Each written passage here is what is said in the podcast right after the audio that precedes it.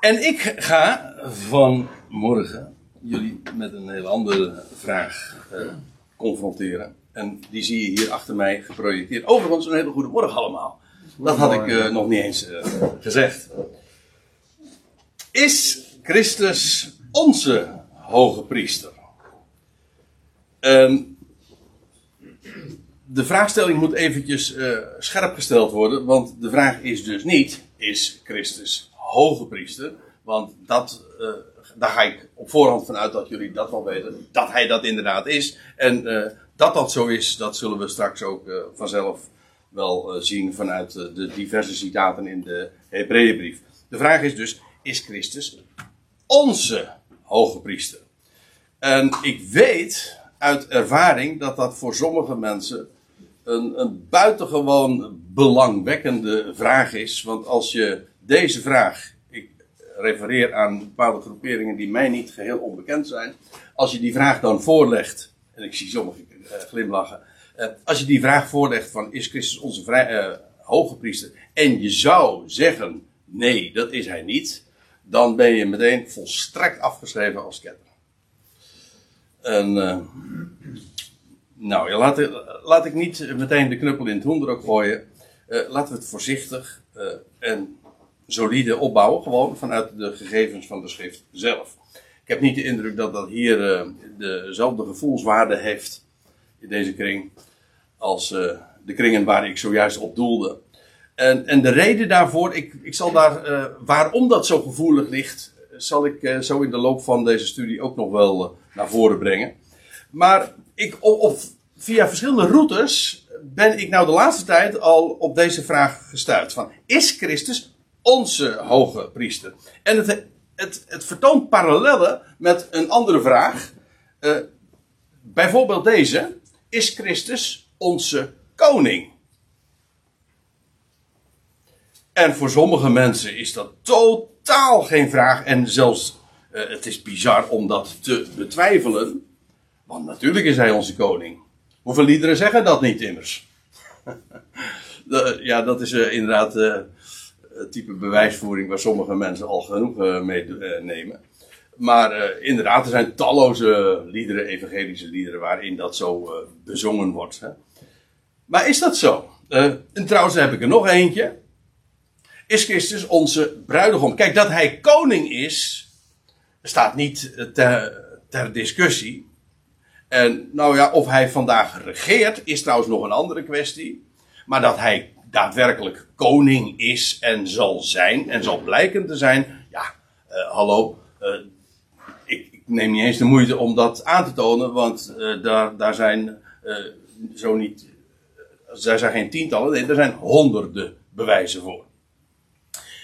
Dat hij de bruidegom is, dat is misschien iets minder veelvuldig voorkomend, maar ook dat vind je op vele wijzen beschreven. En dat hij inderdaad zijn volk zal huwen en daarmee dus de bruidegom is. Maar dat is geen antwoord op de vraag of hij onze koning en ook onze bruidegom is. Want ja, hoor eens, eh, je staat nu eenmaal in allerlei relaties. Ik, eh, ik bedoel, ik, ik ben de man, de echtgenoot van Petra. Ik ben de vader van mijn kinderen. Ik ben de buurman van mijn buren. En in al die. En ik ben, je bent, nou ja, en tegenwoordig is dat niet meer zo, maar je bent een collega. Of, in wat voor verhouding je dan ook staat. Je hebt allerlei relaties. En ik ben voor mijn kinderen niet de buurman. Ik ben wel buurman, maar niet van mijn kinderen. Weet je? Dus ja, eh, dit is allemaal eh, zo, zo basic. Is heel logisch. Maar sommige mensen verwarren dat eh, zo eh, heel gemakkelijk. Het feit dat Christus bruidegom is, beantwoordt nog niet de vraag of hij onze bruidegom is. De vraag is dus: van wie is hij de bruidegom? En van wie is hij de koning? En in dit geval ook, dat is de grote vraag van, van deze studie: van wie is hij de hoge priester? Nou, laat ik daar nog even wat uh, aan tekenen. En ik denk dat dat meteen ook het startpunt moet wezen. Paulus, de apostel en leermeester van de natieën, die maakt als enige apostel bekend de waarheid. Het is hem ook als verborgenheid geopenbaard en hij onthult dat. Hij maakt de waarheid bekend dat de Ecclesia, de gemeente zo u wilt, het uitroepsel dat vandaag verzameld wordt uit de natieën, dat die het lichaam van Christus is. En een lichaam, een organisme, een verzameling uh, mensen die uh, zich niet laten onderscheiden naar afkomst. Joods of Griek of welke afkomst ook, speelt geen enkele rol in dat lichaam dat uitgeroepen wordt. En ja, het meest bijzondere daar van dat lichaam is dat Christus daarvan, Christus Jezus, het hoofd is. En eigenlijk, het is nog sterker, dat lichaam als geheel heet ook de Christus. Dus hoofd en lichaam tezamen is de Christus. Dat lichaam, die gemeente, dat uitroepsel, zij die uitgeroepen worden, zij die daartoe uitverkoren zijn en verzameld worden, zij horen bij de Christus. Zo nauw met elkaar verbonden als hoofd en lichaam. Onafscheidelijk is dat. En alles wat aan Christus Jezus beloofd is en gegeven is, dat is ook aan dat lichaam gegeven. Dus de positie van deze Ecclesia is de allerhoogste. Zij worden eigenlijk ook na zijn opstanding als eerste verzameld en krijgen in die hoedanigheid als eerste ook de hoogste positie. Dat is de Bijbelse gedachte. De, de eerste is daarmee ook met recht de first, hè? De, de voorste, die voorop gaat. En de hoogste positie, letterlijk zelfs, namelijk hemels. Verbonden met hem, eh, die daar nu aan Gods rechterhand is, Christus Jezus. Dus onvoorstelbaar. Dus dit is echt duizelingwekkend als je je realiseert. Ik bedoel, zonder dat we er iets bij eh, voor hebben gedaan. Eh, het, is, het, valt je ten deel. Als, het is met recht ook een lotsdeel. Hè? Zo noemt Paulus dat ook. het valt je als lot ten deel dat je tot die eerstelingen mag behoren die bestemd zijn om het lichaam van Christus te zijn. De hoogste positie met hem delen. Dat wat van hem is en wat hem gegeven is, dat is aan ons gegeven. Uh, hij is daar aan de rechterhand Gods en wij met hem. Zo spreekt Paulus daarover. Uh, bedenk dan de dingen die boven zijn, waar Christus is, aan de rechterhand Gods die ons leven is. En als hij geopenbaard gaat worden in heerlijkheid, dan zullen wij met hem geopenbaard worden in heerlijkheid die nauwe relatie. Ja, wat is hij eh, van ons? Nou, het hoofd. Zoals, eh, zoals het hoofd verbonden is met het lichaam, zo is Christus Jezus, die daar nu boven is, fysiek, verbonden met zijn lichaam. En ja, Christus, eh, of eh, de apostel Paulus, die deze waarheid eh, van het lichaam bekend maakt, als enige, kijk het maar na, bij Jacobus vind je het niet. Bij Petrus vind je het niet. Bij Johannes vind je het niet. Paulus maakt dit als enige bekend. Nergens wordt de gemeente beschreven als het lichaam van Christus dan alleen in Paulus' brieven. Kijk het maar na. Check het. En ja, je, zult het gewoon alleen maar bevestigd kunnen zien. En ja, dan hebben we nog iets, uh, en dat ligt dan ook zo voor de hand. Paulus spreekt uh, nooit over Christus als bruidegom, of als koning, of als hoge priester van het lichaam. Ik moet het zelfs nog sterker zeggen. Paulus gebruikt de termen niet eens van bruidegom, koning en hoge priester. Ja, dit is, kijk, wat ik nu zeg, dat is niet mijn mening, of een opinie, of een, hoe denk jij daarover, zullen we daar eens over discussiëren. Het is gewoon een gegeven. En uh, waarom zeg ik dat met zo, zo stellig? Nou, pak een concordantie. Kijk waar de woorden bruidegom, koning of hoge voorkomen. En kijk even of dat in de, de brieven voorkomt die door, ondertekend zijn door Paulus. Je vindt het helemaal niet eens. Dus als ik zeg van Paulus spreekt nooit over Christus als bruidegom, als koning, of als hoge priester, of ja, als bruidegom van het lichaam, dan zou je eigenlijk moeten zeggen: nee, de, uh, dat, dat, dat staat er gewoon niet. Dus kijk, als je nou de, vraag aan mij stelt van, uh, mag je dat dan niet zo zeggen? Ja, van mij mag je dat wel zo zeggen. Maar we doen bijbelstudie, hè? Het is zo'n fijne gedachte dat Christus onze bruidegom is. Zo romantisch. Ook. Trouwens, over wat de romantiek betreft, uh, die blijft hoor. Alleen, uh, ja, het, het, is een andere. Want wij maken namelijk deel uit niet van de bruid, maar van het lichaam van de bruidegom. Dus de romantiek blijft, alleen de positie is een andere. Als u begrijpt wat ik bedoel. Nou ja. Uh, ja, en dat hij. Christus, uh, hoe wordt hij beschreven? Hij is als de ho het hoofd van het lichaam, het collectief, het geheel. En uh, als, het, als het individueel benaderd wordt, dan is Christus onze Heer. hij is mijn Heer. Zo spreekt Paulus daar wel altijd over. Nooit over, over hem als koning. Kijk, koning zal hij straks zijn op de troon in Jeruzalem. Dan is hij de koning van Israël trouwens. Dan is hij trouwens ook de koning van de natieën. Heel letterlijk. Een koning die een kroon draagt, die op de troon gezeten is. Gewoon in die positie. En de volkeren, en in het bijzonder Israël, zal hem ook erkennen als koning. Is dat de verhouding waarin wij tot hem staan? Nee, onze houding, verhouding, onze relatie tot hem is vele malen intiemer. Namelijk die van hem als hoofd. Wij zijn verbonden met hem.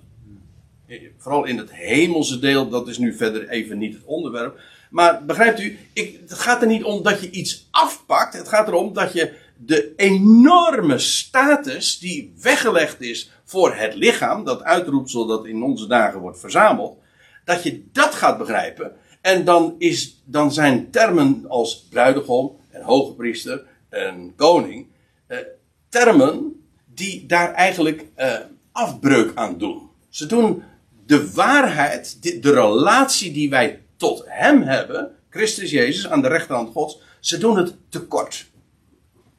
Dus het is niet een kwestie van afpakken, het gaat er juist om, uh, we zouden uh, vooral dit onderkennen.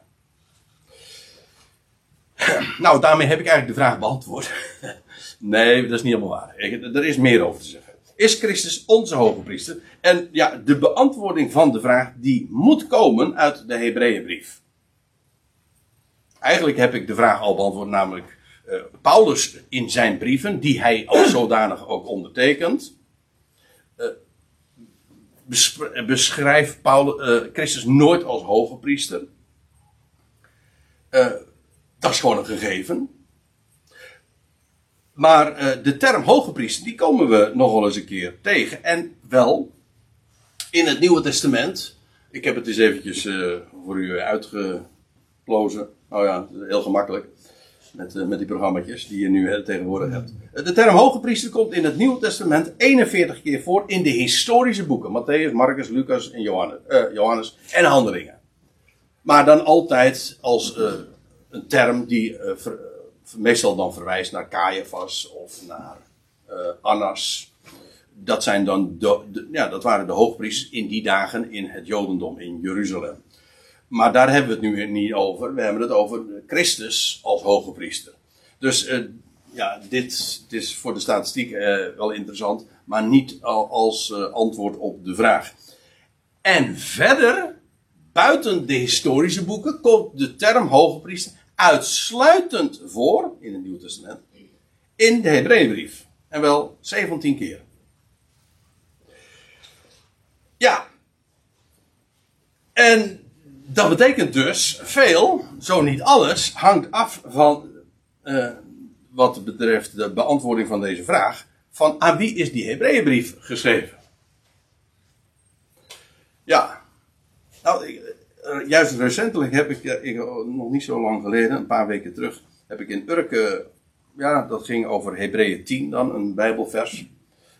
En toen heb ik daar ook al even over gesproken. Dus het ligt me allemaal nog vers in het geheugen. Ik wil niet te veel in herhaling vallen, want ik heb al vaker over deze dingen gesproken. Maar die kwestie van de adressering van de Hebreeënbrief, ja, dat is, een, die is heel intrigerend. Ja, ik vind, ik, het is ook van belang om de brief te verstaan. De brief, ja, door wie die geschreven is, dat blijft altijd een heikel punt. Hij staat trouwens in de manuscripten altijd tussen de brieven van Paulus. Is heel eigenaardig. Maar de, de, uh, het punt is, Paulus ondertekent zijn brief altijd. Met zijn naam. Dat zegt hij ook, dat is een handelsmerk. Zijn, nee, zijn waarmerk. Een ander merk niet. Uh, maar uh, in de Hebreeënbrief niet. Terwijl alles erop wijst dat hij hem wel geschreven heeft. Maar zijn naam staat er niet onder en dat valt op. Hij is geschreven vanuit Italië en, en, en, en de schrijver die noemt Timotheus als zijn medewerker. Nou ja, uh, enzovoort. Dus er wijst, alles wijst een beetje, uh, wijst in de richting van dat Paulus de schrijver. Hij noemt zijn naam niet. Wat, als je begrijpt dat het Paulus is, ook wel logisch is. Want ja, Paulus is de apostel van de natieën. Hij richt zich, hij is aan hem is het evangelie van de voorhuid, van de onbesnedene toevertrouwd. Dus als hij zich richt tot Israël, specifiek, ja, dan is, dan valt dat feitelijk buiten zijn bediening. En daar, uh, ja, historisch is daar trouwens ook nog wat voor te zeggen, want ja, Paulus en Israël en, en, de gemeente in Jeruzalem, dat was een hele uh, gevoelig ding. Dus ook dat is een hele goede reden waarom zijn naam er niet onder staat. Maar goed, uh, het gaat er vooral even om aan, aan wie die brief dan is geschreven. Nou, laat ik eerst even dan dit zeggen. even een paar dingen op een rijtje. ja, voor sommige mensen is het trouwens heel simpel, eigenlijk dit al. Ja, hoor eens eventjes. Ik ga niet discussiëren over de vraag aan wie de Hebreeënbrief is geschreven. Dat is net zoiets als aan wie is de Timotheusbrief geschreven. Of, ja, noem nog eens wat. Aan wie is de Korinthebrief geschreven? Ja, uh, de, dat is de naam van de brief. Aan de Hebreeën. En Hebreeën, ja, wat zijn Hebreeën? Dat zijn mensen die de Hebreeuwse cultuur, of beter misschien nog de Hebreeuwse taal spreken. Dat zijn Hebreeën. En dus, ja, uh, we denken dan aan Joden, die de Hebreeuwse taal spreken. Zo wordt daar in Handelingen 6 ook over gesproken. En sommige mensen zeggen, ja, maar die, die, die titel van de brief, dat, uh, dat is niet geïnspireerd. Dan zeg ik, is dat zo? Want in de manuscripten, gewoon in het origineel, daar staat die naam aan de Hebreeën gewoon boven de brief hoor in de, in de grote codexen van de, de, de, de Sinaiticus en de Vaticanus en Alexandrië staat die naam, die, die naam er gewoon boven. En dan kun je zeggen, ja, maar dat hoort niet bij het origineel. Zeg, hoe weet je dat zo zeker? Dat is één. Uh, maar uh, als u dat uh, niet geloven wil, je kan, hoofdstuk 1 vers 1 geeft volgens mij ook an het antwoord. Want er wordt er gesproken over de vaderen tot wie God sprak. En dan kom je bij de Hebreeën 1, vers 1. Oh, die had ik er even bij moeten vermelden. Dat staat in hoofdstuk 1, vers 1. Dus meteen, je, je komt de brief binnen en dan wordt er meteen over de vaderen gesproken. En dan is de vraag, van wie zijn de vaderen? Nou, dan zegt Paulus in, Rome, dan zegt Paulus in Romeinen 9, vers 5. Hunner, namelijk de Israëlieten, hunner zijn de vaderen. Dus eigenlijk heb je het antwoord al in hoofdstuk 1, vers 1. Hoe simpel wil je het hebben? Uh, zij worden ook genoemd in hoofdstuk 8, vers 8. Eh, in de hele argumentatie het huis van Israël en Juda. Dat wil zeggen, waar ook Jeremia zich aan richt. En uh, deze vind ik ook heel boeiend. Die in het, helemaal aan het einde van de brief, in hoofdstuk 13, daar, wordt, uh, daar worden de, de, de geadresseerden, de lezers, opgeroepen om uit te gaan buiten de legerplaats. Hij zegt, Paulus, of nou ja, zijn naam staat er niet onder, dus de schrijver zegt dan. Uh, zo, Christus heeft geleden buiten de poort, zoals dat moest ook met de, zondoffers. En dan zegt Paulus erbij van ja, dat moest ook. Hij heeft buiten de poort geleden en dan, en dan voegt hij eraan toe. Zo laat ons uitgaan buiten de legerplaats. De legerplaats is gewoon Jeruzalem. De plaats waar de tempel zich bevindt. Waar, en de Heer heeft buiten de poort geleden. En Paulus, of de schrijver zegt dan, laat ons zo ook tot hem uitgaan buiten de legerplaats. Dat wil zeggen, Jeruzalem verlaten. Hij zegt dan in vers 14 ook, want wij hebben hier geen blijvende stad. Deze brief is geschreven aan Hebreeën, meer speciaal aan mensen in, de, in Jeruzalem, waarbij zo moet realiseren dat daar tienduizenden, in handelingen je van myriaden Joden waren die geloofden dat Jezus de Messias was en, en er staat bij, ze waren allen ijveraars van de wet. Volgens mij de vorige keer dat ik hier sprak, een paar maanden terug, uh, hadden we daar ook al over. Maar myriaden, tienduizenden Joden in het, in het Joodse land, in Judea en vooral dan in Jeruzalem, waren er die dus wij zouden zeggen Mashiach beleidende Joden, eh, maar die ook gewoon ijveraars van de wet waren en de Shabbat en de, enzovoorts en de besnijderis en, en, al de, de, de, de, Joodse leefwijzen uh, uh, betrachten, of hoe zeg je dat? In ieder geval Joods leef, ijveraars van de wet, zo, worden ze genoemd. En ja, die groep, eh, we praten hier nu over de tweede generatie, ook dat blijkt uit die Hebreeënbrief. Die groep wordt aangesproken en ze dreigden, oh ja, want dat wou ik er nog even bij zeggen. Deze hele brief staat in het teken van de naderende catastrofe van Jeruzalems verwoesting. En deze brief is een enkele jaren daarvoor geschreven. Er, zou, de, de, de stad zou helemaal met de grond gelijk gemaakt worden. In vlammen opgaan. En daar wordt concreet in deze brief al op gewezen. En uh, ja, ik ga even een aantal schriftplaatsen bij een paar versen die, uh, waar je dat allemaal terug kunt vinden. Ik ga dat nu niet nazoeken natuurlijk. Want dat zou me veel te ver van het onderwerp afleiden. Maar dit moet je even weten als het gaat over aan wie is de brief geschreven? Wel aan He Hebreeën in Jeruzalem in de tweede generatie. Dus ergens in de jaren 60, vlak voor de val van de Jeruzalem. En de waarschuwing is vooral om niet terug te keren naar het Jodendom. Ze stonden onder grote druk om de Zoon van God met voeten te treden en, het, uh, en, het, uh, en zijn werk te, uh, te verachten. En de druk was enorm. Niet zozeer dat zij dreigden, uh, of dat zij niet langer zagen dat Jezus de Messias was. Nee, het was heel wel bewust. Wij weten dat hij de Messias is, maar onder druk. Uh, dat je dat dan toch maar prijsgeeft. Want ja, het kost zoveel. En je leest ook dat ze ja, uh, de, de, de, roof van hun bezittingen allemaal moesten doorstaan. En er was veel ook fysieke druk mentaal. Kortom, men kwam buiten te staan. En we weten inmiddels uh, een klein beetje, nou heel klein beetje, hoe dat voelt. Een aantal van ons. uh, hoe, dat je ineens tweede rangs bent. Het stelt nog in niks voor hoor, laat ik dat er even bij zeggen nu. Het stelt nog helemaal geen bal voor. Maar je voelt al wel aan van hoe je, hoe je gemakkelijk bezwijkt onder de druk. En voor sommigen wordt, dat heel serieus. Nou, iets, die druk hebben de, die Messias beleidende Joden daar in de jaren 60, daar in Jeruzalem, vlak voor de val van de stad, meegemaakt, beleefd. En ze dreigden te bezwijken. En, en ze worden opgeroepen om vooral standvastig te blijven en niet terug te keren naar het Jodendom. En zo worden zij ook aangeschreven, namelijk als, als het gelovig overblijfsel van Israël. Kijk, en de waarheid van het lichaam speelt in deze brief geen rol. Dat deze Joden ook deel uitmaakten van het lichaam van Christus, ja, dat is wel zo. Maar dat, daar gaat het niet om. Zij worden aangeschreven als Hebreeën. Als, als dat deel van Israël, ja, het gelovig overblijfsel. Zo worden ze aangeschreven. En in die hoedanigheid.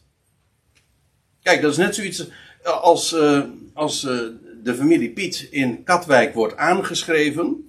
Ja, dan is dat. Uh, en ze krijgen bijvoorbeeld de loterij, 10.000 euro, noem maar wat, weet je wel. Ja, dan is dat voor de familie Piet. Hoort u het goed?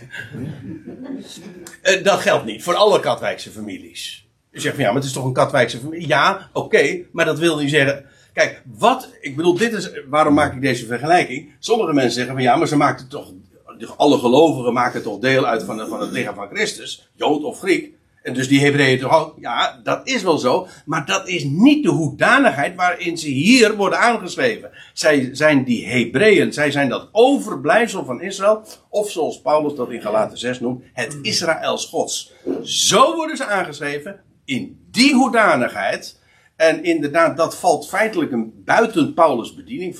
Vandaar ook zijn naam die er niet onder staat. Maar dat is de hoedanigheid waarin ze worden aangeschreven.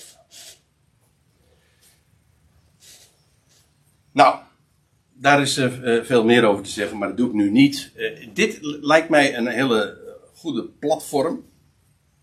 Om, om, om nu vervolgens nog wat meer specifiek te zeggen over, over Christus Wat, dat is trouwens een titel. Een Christus betekent gezalfd. Op zijn Hebreeuws zeg je Mashiach. Maar dat betekent ook gezalfd. De ene is uh, Hebreeuws, de andere is Grieks. Maar het betekent gezalfd. Gezalfd tot wat? En dan lees je in de Bijbel met name twee ambten. Uh, die uh, voordat, ze, ja, voordat ze dat ambt gezalfd werden, ze werden gezalfd tot koning. Of ze werden gezalfd tot priester. Er is nog één bij, profeet, werden ook gezalfd. Maar niet altijd. Maar koningen en priesters werden per definitie gezalfd. Het is dus, het, het, het luidt een, een ambt in. En Christus is inderdaad uh, gezalfd. Ja, tot wat? Nou, in ieder geval ook als hoge priester. Nou. We gaan naar, uh, naar Hebreeën 5. Ik heb een, een aantal, vijf, zes schriftplaatsen die ik uit de Hebreeënbrief uh, wil langs gaan. En, en niet, niet per se uitvoerig wil bespreken, maar wel wil laten zien wat het betekent dat Christus de hoge priester is. Even één, nog één ding die ik daar ook bij wil vermelden. U weet het, hè? Een hoge priester in, voor Israël. Want daar hebben we het over. Als, als we het hebben over hoge priester, hebben we het in principe over mensen die in het, te midden van de twaalf stammen, een functie vervulden. Een unieke functie. Namelijk, uh, uit zij werden gekozen uit de stam van Levi. Meer speciaal uit het geslacht van Aaron. Die was de eerste hoge priester. En ja, wat lees je van die hoge priester? Nou, er wordt een hele, er heel veel kenmerken gegeven over uh, het gewaad dat hij droeg. En het meest bijzondere van het gewaad van de hoge priester daar moet ik een beetje voorzichtig zijn, want er is heel veel bijzonders aan. Maar het meest opvallende is toch wel, dat is die borstplaat. En, eh, dat wil zeggen, een borstplaat met twaalf edelstenen. Met daarin de namen gegraveerd van de twaalf stammen van Israël. En dat had hij op zo'n borstplaat, maar hij had ook twee platen op zijn schouder. Met aan beide, eh, aan beide schouders uh, zes edelstenen.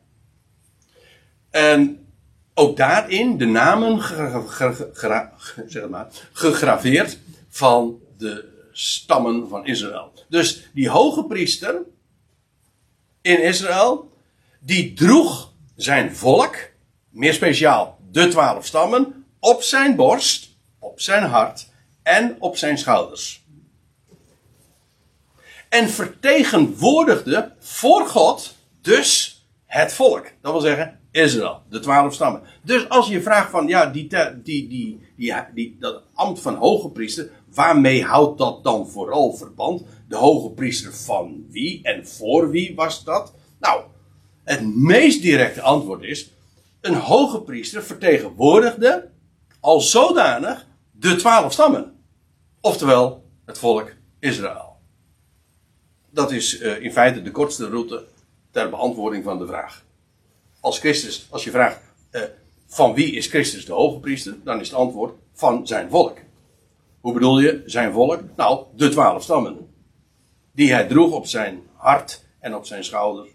En als hij dan in het heiligdom kwam, dan had hij dat aan. Had hij dat, uh, dan droeg hij dat. Hij representeerde voor zijn God de twaalf stammen. Trouwens, dat werkt naar twee kanten toe. Want aan de ene kant, hij kwam, hij naderde tot God als representant van het volk. En hij als representant van God kwam hij tot zijn volk. En sprak hij ook tot het volk. Dus uh, hij bijvoorbeeld, eh, je leest ook van de hoge priesterlijke zegen. In nummer 6, als ik me niet vergis, ja. De, die zegen wordt tegenwoordig door de, door de predikanten, uh, door de dominee al sinds jaar en dag altijd uitgesproken aan het einde van de dag.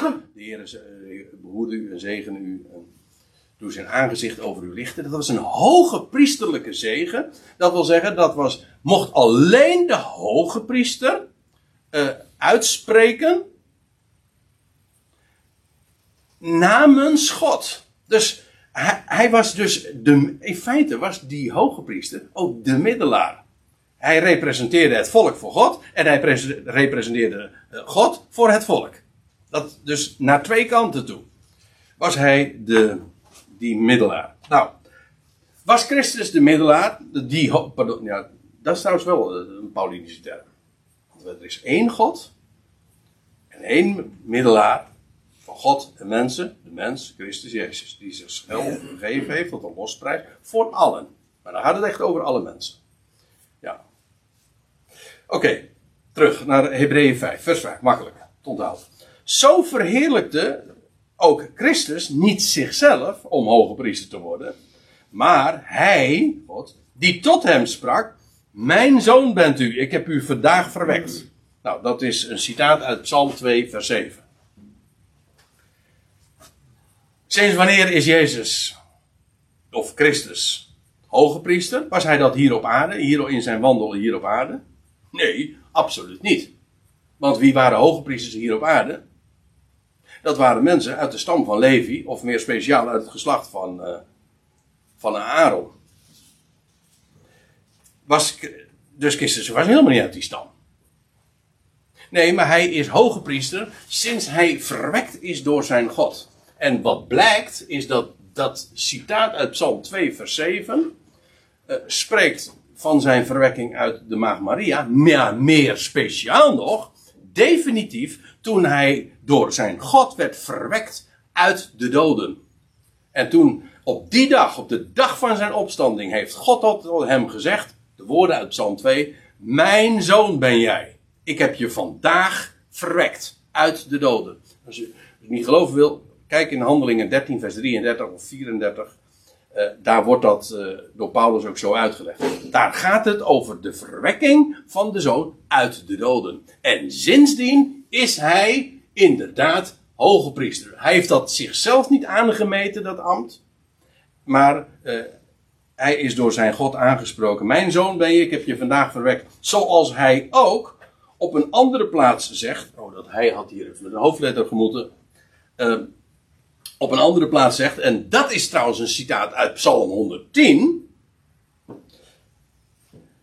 U, bent priester tot in de aion. Niet tot in eeuwigheid. Dat klopt niet. Hij is niet al voor altijd priester.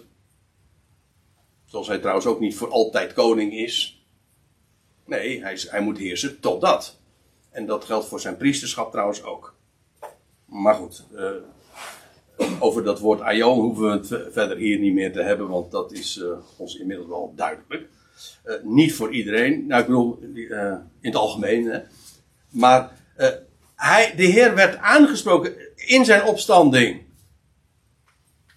je bent mijn zoon vanaf vandaag. Hè, door mij verwekt. Vandaag door mij verwekt. Uit de doden. Maar ook, uh, en dat is een citaat uit Psalm 110. Jij bent priester tot in de Aion. Naar de ordening van Melchizedek. En nou moeten we er nog iets bij betrekken. En dat speelt een hele grote rol in de Hebreeënbrief. Hij wordt dan heel vaak genoemd de koning of de priester naar de ordening van Melchizedek. Dat is namelijk wat al in Psalm 110 van de Messias gezegd wordt. Hij zou inderdaad, uh, hij, hij, zou verhoogd worden aan Gods rechterhand. Zet u aan mijn rechterhand. Maar ook, je bent priester.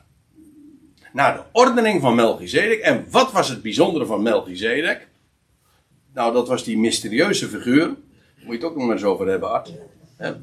Ook eh, uit Genesis, Genesis 14. Die komt zomaar uit de. Die komt ook, lijkt wel uit de lucht vallen. Ja, komt zomaar. Je, we weten niets over zijn vader, over zijn moeder, over zijn afkomst. Helemaal niets wanneer hij geboren is, wanneer hij dood. Helemaal. Hij komt. Hij kwam binnen zonder kloppen. En ging weg zonder één woord. Ja. ja echt. Zo, komt hij in de Hebreeënbrief. En dat is juist zo bijzonder. En de Hebreeënbrief zegt: ja, dat is heel bijzonder. Want uh, dat is Melchizedek. En je leest, hij was priester van de Allerhoogste. Is, uh, ja, Abraham die kwam net terug van een, een, een, krijgstocht eigenlijk. Hij had zijn neef Lot bevrijd. En dan, uh, dan komt er een, de koning van Salem. Dat, weet, dat is wat we wel weten. Hij was koning van Salem. Dat is het latere Jeruzalem. Ja. En hij was priester van de Allerhoogste. Dus die, het, wat was het bijzondere van Melchizedek? Melchizedek betekent trouwens mijn koning is rechtvaardig. Rechtvaardig koning. Oké, maar hij was ook koning van Salem.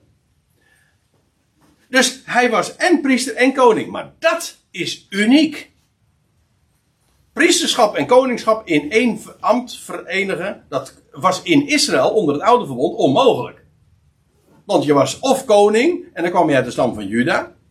Of je was priester en dan kwam je uit de stam van Levi. Meer speciaal uit het geslacht van Aaron. Dus je was nooit koning en priester tegelijk. was onmogelijk. Maar de Messias die zou komen, dat wordt in het Oude Testament al voorzegd.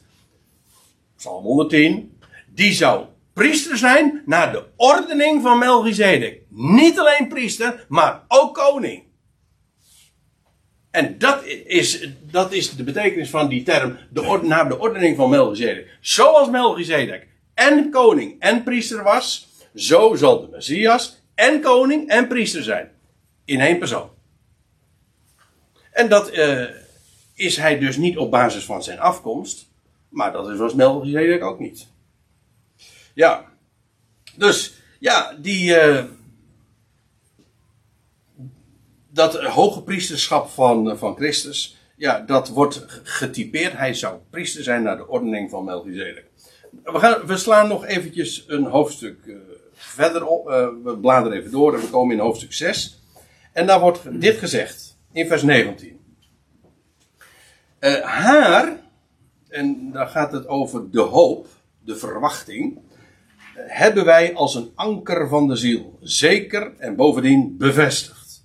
En binnenkomen, dat is een heel eigenaardige beeldspraak, tot in het binnenst van het gordijn of van het voorhangsel. Een gordijn is een voorhangsel. Alleen uh, mobiel, zeg maar. Uh, hoe zeg je dat? Knopen en dicht. Nou, ja, zo kun je het ook zeggen. Ja. Het is je knopen en dicht. Uh, en, nou, dat kan een deur ook. Ja. Maar goed, we weten wat een gordijn is. Nou, dat is wat er. hij is in het binnenste gordijn binnengegaan. Het idee daarbij is dat er namelijk in het heiligdom twee gordijnen waren. Ik heb het nu dan specifiek over de tabernakel het uh, gordijn voor het heilige. En, dan, en dan had je ook nog daarachter het heilige der heiligen. En dat is het binnenst heiligdom. En dan mocht alleen maar, let op, de hoge priester komen. En dan één keer per jaar. En dan kwam hij daar in dat, die allerheiligste ruimte. En ja, wij hebben hoop, uh, zegt de schrijver dan. Hoop niet in de zin van, van uh, onzeker. Nee, het hele idee van hoop is dat het werkelijk ook verwachting is als een anker. Vandaar ook dat uh, hoop, uh, het symbool van de Bijbelse hoop is een anker. Namelijk dat vast is. Het bijzondere trouwens van een anker is, het is vast, maar je ziet het niet. Als, als het werkt, zie je het niet. Toch? Ja, als het niet werkt, dan zie je het wel. Dan heb je het gewoon in het ruim liggen, maar dan doet het niks. Alleen als het onder de op, als je het niet ziet, dan werkt het. En dat is hoop, uh, ja, dat is het meest bijzondere van de hoop en de verwachting die we hebben. We zien het niet, nee, maar daarom is het zo zeker. Hoop die gezien wordt is geen hoop. Dat is Romeinen 8. Maar hier, hier lees je het, hè. Haar hebben wij als een, als een anker van de ziel. En waar is, waar is dat dan? Nou, dan staat er, het is, het is, uh, het is vast. Uh, zoals dat met de anker hoort, hè, bevestigd. En het, het, bevindt zich momenteel in het binnenste van uh, het voorhangsel. Dat reikt, zegt de MBG-vertaling, tot in binnen het voorhangsel. Gewoon in het binnenste heiligdom. Dat is trouwens ook de beschrijving van de, uh, van de hoge priester in uh, de Hebreeënbrief. Waar is hij nu? Daar. Dus een geweldig onderwerp. Maar trouwens, staat er ook bij, tot binnenste, in het binnenste van het gordijn. En waar Jezus, de naam die hij droeg hier op aarde, maar die hij nu nog steeds draagt, omdat het precies typeert wie hij is, namelijk Yahweh is redder. Waar Jezus als voorloper ten behoeve van ons binnenkwam, naar de ordening van Melchizedek, hoge priester worden tot in de Aion. is een letterlijke weergave, klinkt wat plechtstatig, maar zo staat het. Dus hij is, waar is die hoge priester? Nou, ontrokken aan het oog. maar daar is hij inmiddels als priester en hij ook als hoge priester tot in de Aion. En die, de Aion, dat is die komende Aion, waar trouwens de Hebreeënbrief ook nog eens wat over zegt. Het toekomend aardrijk. En straks zal hij uit dat heiligdom komen. Ja, uh, hij is nu in het heiligdom, maar al, die hoogpriester komt weer uit het heiligdom. Ja, wat doet hij dan? Dan wordt hij inderdaad uh, die, uh, die priester, koning, naar de ordening van Melchizedek. En zal hij ook op dezelfde locatie waar ooit Melchizedek koning was, namelijk in Salem, gaan regeren. En trouwens ook een koning zijn van de vrede. Salem betekent vrede. Shalom. Salam. Ja, salam. Uh, nou er zijn, er zijn nogal wat woorden die daar allemaal mee. Shalom uh, aleichem. Salem aleichem. Salem aleichem. Ja, Salem aleichem. Dat is, ja, dat is hem, ja. Dat is vrede. En dan, wordt, dan komt hij uit het heiligdom. Ja, en dat is in de Aion. Dus feitelijk dat, dat koning-priesterschap naar de ordening van Melchizedek. Ik vind dat zo'n prachtige, statige term. Wat voor uh, hoge priester is hij? Nou, naar de ordening van Melchizedek. En dan weet je, zelfs als je helemaal de achtergrond niet kent, dan weet je van, nou, dat gaat ergens over. Dat moet wel. En dat is ook zo. Want als hij straks uit het heiligdom komt, ja, dan wordt hij de koning-priester van Salem, ik bedoel Jeruzalem, en koning van vrede. En wat hij dan allemaal uit het heiligdom gaat brengen, ja, dat is. Uh... Maar hij is daar nu al als voorloper. We zien daar nog niks van. Maar reken maar van yes, dat het straks allemaal openbaar wordt. Als hij namelijk het, weer het voorhangsel voorbij komt, weer terugkomt. Dan komt hij uit het heiligdom. En dan als, uh, als vader, als ouder van, uh, van twee zonen, zeg ik dan, dan komt hij, passeert hij ook nog de zuilen Boas en Jagin.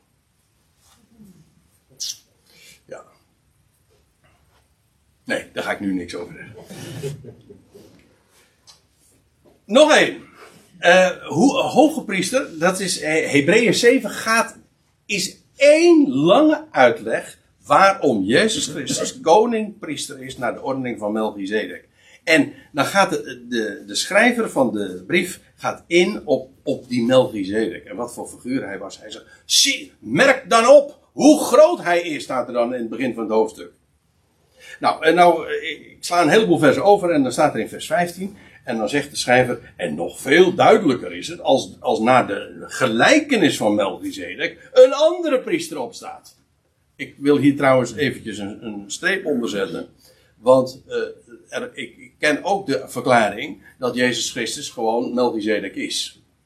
Dezelfde die toen ooit aan Abraham verscheen, dat dat dezelfde is als Jezus Christus. Dus dat Melchizedek eigenlijk een Christofanie is. Een, een verschijning van Christus in het Oude Testament.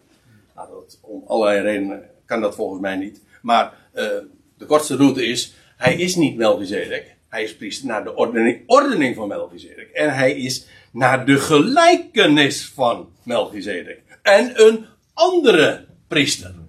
Heteros. Ja, hij is niet dezelfde. Hij is een andere. Wel naar de ordening van Melchizedek. Maar hij, ze zijn, die twee zijn niet identiek. Een merkwaardige opvatting die, uh, die ik uh, nog eens een keer tegenkom. Maar het is niet zo. Uh, maar hij is wel naar de gelijkenis van Melchizedek. En die, en die priester die is opgestaan, letterlijk, ja, opgestaan. En hij is het niet geworden naar een wet van vleeselijk voorschrift. En dat is waar ik zojuist al even op doelde. Christus is geen hoge priester. Ja, om een hele simpele reden. Hij is niet uit de stam van Levi. Hij is niet uit het geslacht van Aaron. En dus, hij, als hij hoge priester is, dan is hij het niet krachtens een wet van vleeselijk voorschrift. Zoals dat in het oude verbond allemaal uh, beschreven was en bepaald. Maar hoe dan wel? Hoezo is hij priester geworden dan? Nou, in feite hebben we het al gezien. Hij is het. Hij is dat geworden sinds hij opgestaan is uit de doden. En hier staat het ook. Hij is het niet naar uh, de wet van, vlees, van een vleeselijk voorschrift, maar naar kracht van onvernietigbaar leven. En dat is Dus na zijn opstanding. Voor zijn opstanding kon hij niet geen priester zijn. Waarom? Wel, nee, want dat, dat leven gaf hij, dat is, heeft hij overgegeven in de dood. Sinds zijn opstanding uit de doden is dat leven dat hij aan het licht bracht onvernietigbaar. Niet, eh, er staat letterlijk zelf onontbindbaar. En hij leeft. Hij heeft de dood overwonnen. Letterlijk. Hij sterft niet meer. Onvergankelijk leven. En daar, uh, zelfs Methuselah uh, wordt dan hè, een, uh, ja, 969 jaar. Waar hebben we het over? Dat is niks, man. Ten opzichte van dit. Dit is onvernietigbaar, maar dan ook echt leven. Want je, je kan natuurlijk altijd verdedigen van ja, van dit leven want sommige mensen denken, goh, 969 jaar oud worden, of voor mij pas 777. Dat, dat, is, dat is lang. En eigenlijk is het, maar eens even terzijde hoor, maar ik, ik denk er eigenlijk over na van, van dit leven. Het is maar goed ook dat je dat weer, dat je dat aflegt. Dat dat niet, dat dat niet opgerekt wordt tot in eeuwigheid. Nee, maar dat wordt ook niet. Is ook genade dat, dat je dit maar afleggen. En zelfs als het in die dagen zo, voor, uh, zo paradijselijk was en nog zo uh, geweldige gunstige omstandigheden. Het is toch allemaal uh, maar behelpen en vergankelijk. Maar over dit leven, ja, dit is echt leven. Ja, dat is leven dat de dood achter zich heeft en zo onvoorstelbaar groot en heerlijk is. Waar je ook echt een lichaam voor nodig hebt van een hele andere conditie, anders zou, zou het die heerlijkheid niet eens kunnen dragen en verdragen. Kijk, dat is wat ons wacht. Geweldig toch? Onvernietigbaar leven. Want van hem wordt getuigd, u bent priester tot in de aion, naar de ordening van Melchizedek. U ziet het, dit vers speelt een grote rol. Uh, dit citaat dat de, dat, dat de schrijver dan geeft uit uh, Psalm 110. Want Psalm 110, dat is zo'n geweldige profetische psalm spreekt over wie de Messias zou zijn en wat hij zou doen. Priester naar de ordening van Melchizedek. Tot in de Aion. Nou, nog, wat. Um, ja, ik moet opschieten. Uh, maar ik wil dit ook nog even genoemd hebben, zeker. Uh, daar staat er, daarom kan hij, dan gaat het over die hoge priester, volkomen redden wie door hem tot God naderen, daar hij altijd leeft om te pleiten ten behoeve van hem, van hen. Dat is wat een hoge priester ook is, hè? En doet. Ik zei al, hij representeert het volk. En dat betekent, hij behartigt hun belangen. Dat is wat de hoge priester deed. In essentie. Hij pleit voor hen. Ja, ik, ik, ik heb altijd een beetje moeite met het woordje pleiten. Want, nou ja, uh, dat heb je als je een beetje dubbelzinnig denkt. Dan, uh, maar ja, waar is de hoge priester? Nou, hij is pleiten. ja, in, zekere zin klopt dat nog ook, want hij is niet hier, maar hij is elders. Maar wat doet hij dan? Nou, hij pleit. En dus ik bedoel uiteraard dit.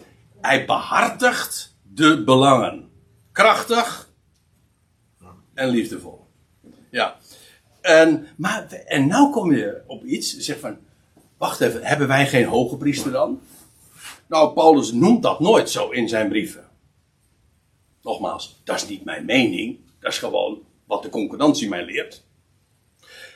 Maar ik moet er wel bij zeggen, van hem lees je in Romeinen 8, vers 34. Dat is dan gaat het over ons. De gelovigen uit de natieën, die, die, die behoren tot het lichaam van Christus. Dan staat er, hij, die werd opgewekt. Gaat het over de Heer Jezus Christus en die ook aan de rechterzijde Gods is, momenteel, dat is zijn positie, die ook ten behoeve van ons pleit. En hier wordt hetzelfde Griekse woord gebruikt als wat ook gebruikt wordt in, in Hebreeën 7 vers 25. Exact hetzelfde woord. Dus, nou krijg je dit verhaal, ik heb het even schematisch gemaakt. Christus is hoge priester voor Israël. Hij is hoofd van het lichaam. Maar, en dat zijn twee verschillende dingen, dat moet je onderscheiden. Maar het is wel onderscheiden, maar het is niet gescheiden. Want er is overlap. Want overeenkomst is tussen beiden dat hij pleit. ten behoeve van ons. Namelijk ten behoeve van het lichaam en ten behoeve van Israël. En de Hebreeën, moet ik erbij zeggen, de Hebreeën, die hoorden eigenlijk ook hierbij. Als u begrijpt wat ik bedoel. Die hoorden en bij Israël, zo worden ze ook aangeschreven, maar ze hoorden ook bij het lichaam. vandaar ook die overlap. Christus pleit ten behoeve van ons. Waarom is hij daar? Wel, daar behartigt hij onze belangen. Als geen ander. Zo goed, zo sterk, zo liefdevol. Daar is hij aan de rechterzijde Gods. Dus als je zegt van ja, maar hebben wij dan geen hoge priester? Eh, nou, ten opzichte van ons is hij het hoofd. Dat is de correcte terminologie. Maar vergis je niet, hij pleit voor ons. Hij behartigt onze belangen en hij doet alles wat, uh, wat maar nodig is. Want, staat er dan nog bij in vers, uh, aan het slot van Hebreeën 7, want zulk een hoge priester past ons, integer, zonder kwaad, onbezoedeld, gescheiden van de zondaren en hoger dan die van de hemelen. Hebreeën 8. U ziet, ik ga nu wat sneller, want uh, ja, anders uh, dan komt er helemaal geen, geen einde aan. Want ja, dit is zo'n groot onderwerp, dat zegt de schrijver van de Hebreeën, in Hebreeën 9 zegt hij ook van, ja, hierover kunnen wij thans niet in details treden, want de tijd zou ons ontbreken. en dat zeggen we hem dan maar na. Ja. Want dit zijn zulke grootse onderwerpen. En die hele kwestie van die hoge priester, wat hij daar in het heiligdom doet. En dat hij ontrokken is van het oog. En dat hij daar een hemelblauw gewaad draagt. En dat hij, dat hij niet gezien wordt, maar wel gehoord met die granaatappeltjes. Uh, weet je wel, die belletjes aan, aan de zoom van zijn kleed. Geweldig! Maar ja, uh, daar kunnen we nu verder uh, niet zo over spreken. Maar zegt hij, de schrijver dan van de Hebreeënbrief in hoofdstuk 8. Als hij al zoveel gezegd heeft, dan, dan hoort hij de, de vraag, ik zeg, ik vul dit in, dan hoort hij de vraag opkomen van, zou je het even willen samenvatten misschien voor ons? Dan zegt hij dit. De hoofdsom nu van de dingen die gezegd worden is, wij hebben zulk een hoge priester, wij, Hebreeën, de schrijver hoort daar trouwens ook bij, Paulus was ook een Hebreeër. Uh, wij hebben zulk een hoge priester, die is gaan zitten aan de rechterzijde van de troon van de majesteit in de hemelen. Dus dit is in feite de samenvatting van de Hebreeënbrief tot dusver. Is alles wat we nu gezegd hebben. Wij hebben een hoge priester. Uh, wat is daar zo bijzonder aan? Wel, hij is daar gaan zitten in rust. En hij is aan de rechterzijde van de troon van de majesteit in de hemelen. En hij is daar een bedienaar van de heilige dingen en van de ware tent die de Heer opzet, niet de mens. Met andere woorden, die tabernakel die daar in het Oude Testament was, en die, uh, die, mobiele tempel, zeg maar, uh, later trouwens dat, dat stenen gebouw, dat is alleen maar een type, meer niet, ook niet minder, maar een type van het echte. Het echte heiligdom, ja, dat heeft niet een mens opgemaakt, maar dat is de ware tent.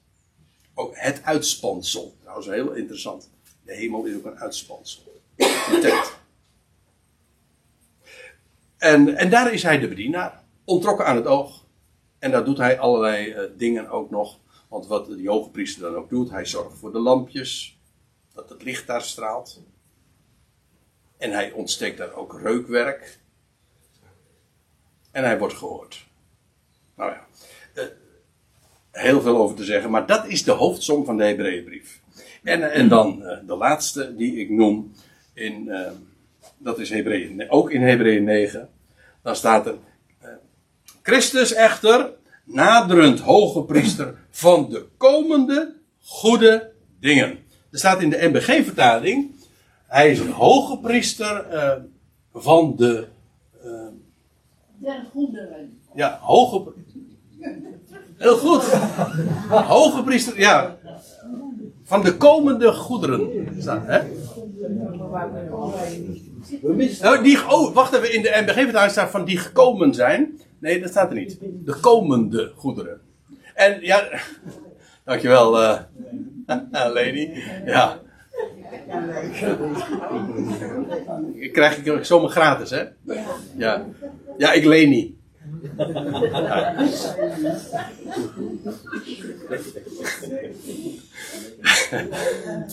maar uh, die, die goederen, dat is trouwens een beetje een, uh, misleidende term.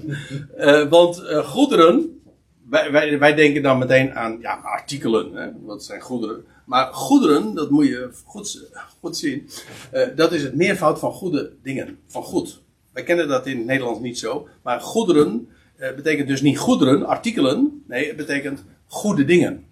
Dus het gaat over de. Hij is de hoge priester van komende goede dingen. Ja, daar is hij. Hij is nu in het heiligdom. Dat is, al, dat is allemaal vast en zeker. Maar het gaat erom. Die hoge priester komt ook weer uit het heiligdom. Dan breekt de Aion aan. En dan openbaart hij zich ook als koning-priester. Want hij is nu priester in het heiligdom. En inderdaad, hij is priester naar de ordening van Melchizedek. Dus hij is ook koning. Melchizedek, koning van rechtvaardigheid. Jawel, maar daar zie je nog niks van. zijn koningschap wordt pas actueel op het moment dat hij uit het heiligdom komt. En dan neemt hij zoveel goede dingen mee. Alles wat nu al gegarandeerd is, neemt hij straks mee. En gaat hij openbaren en, komt, en dan gaat hij het volk zegenen. Dat is trouwens één grote beschrijving van de grote Yom Kippur. Dan komt de, de, de, priester uit het heiligdom en het eerste wat hij doet is dan het volk zegenen. De twaalf stammen. En weet je wat, je, wat hij dan ook doet? Ik zeg het eerste, maar dat blijf ik even trouwens vanaf. Maar in ieder geval, nou, dan gaat hij ook nog uh, die, die, die zondebok naar de woestijn wenden. Dan wordt Israël compleet verzond. Daadwerkelijk, het hele volk. En die Hebreeën waren daar eigenlijk al een, een voorproefje van. Het, zij waren een overblijfsel van Israël. En zij waren eigenlijk al een, een, type, een model van wat straks het hele volk ten deel zal vallen. Zo worden ze aangeschreven. Als, en vandaar ook dat Christus voor hen specifiek die hoge priester is. Is hij dat voor ons ook? Ja, je kunt het zo wel zeggen. Ik, ik meen echt, daar heb ik niks op tegen. Ik vind, ik vind het een geweldig type. Maar zie de verschillen. Onderscheid het wel. En zie ook het verschil tussen uitleg en toepassing. Hij is de hoge priester van Israël. En hij, heeft die goede dingen. Die straks openbaar worden. En hij is nu uh, naderend hoge priester van de komende goede dingen. Door de grotere en volmaaktere tent. Dat wil zeggen. Ja, ik bedoel, we hebben het nu over het uitsponsen. Het, de hemelen is hij doorgegaan. Ja, dat is niet door de mens opgezet. En dat is ook veel groter en bovendien ook volmaakter. En is ook niet met handen gemaakt. Het is ook niet van deze schepping. Nog door bloed van geitenbokken. Hij is, uh, dat wil zeggen, ja, want hoe ging de hoge priester destijds ooit de, die, die tabernakel binnen? Hoe ging die, die, die, gordijnen voorbij? Nou, dat deed hij met het bloed van geitenbokken en van kalveren. Maar in dit geval hebben we het over de hoge priester die ingaat met, ja, met zijn, door zijn eigen bloed kwam hij binnen. Het, dan zie je ook van, hij is hoge priester sinds zijn opstanding, ja, maar hij stierf daarvoor. En hij is dus niet alleen maar de vervulling van het hoge priesterschap, maar ook nog eens een keer het ware offer. Die geslacht is. Precies op de datum dat het offer geslacht moest worden. Zie je hoe volmaakt hij de vervulling is van alles wat in het Oude Testament al voorzegd is en aangekondigd. En zelfs in typen is uitgebeeld. Hij is de volmaakte vervulling daarvan. Nou, tijd om samen te vatten. Daar staat, Christus is dus hoge priester van de twaalf stammen van Israël. Dat is wat het is. En even voor de goede orde, wij zijn gelovigen uit de natie. En dan kun je zeggen van ja, maar wij hebben wellicht ook bloed van Ephraim in onze aderen stromen. Dat doet niet de zaak, maar dat betekent dat we eventueel Israël waren. Maar we zijn gewoon nu van de natie. Maar uh, hij is hoge priester van de twaalf stammen van Israël. En sinds zijn opstanding is hij gesteld tot hoge priester naar de ordening van Melchizedek. En hij bevindt zich momenteel in het hemels heiligdom. En daar is hij een bedienaar van het heiligdom. Doet, en hij zit, hij is in rust, maar hij doet niet niks. Er zijn twee verschillende dingen. In rust zijn en tegelijkertijd toch actief zijn. En een hele belangrijke. En hij wacht, staat er ook nog. Wachten tot tot hij openbaar wordt en dat hij uit het heiligdom zal komen. En hij behartigt als hoge priester de belangen van een gelovig Israël en zal straks uit het heiligdom komen en in de komende aion, dat wereldtijdperk, gaan heersen als priester, koning. Of koning, priester. De ordening van Melchizedek. Precies op de locatie waar je dat van een Melchizedek, Melchizedekiaanse hoge priester ook mag verwachten. Namelijk in Salem, in Jeruzalem. En uh, wat een aion gaat dat worden. En dat is allemaal al gegarandeerd. We zien er nog helemaal niks van. Is in het heiligdom. Maar reken maar van yes. Dat het straks volmaakt vervuld gaat worden. En weet je wat ik nou zo mooi, boeiend vind? Het gaat nog heel gauw gebeuren ook. 2000 jaar dichterbij zijn wij ongeveer dan toen deze woorden werden opgetekend. Waarvan akte?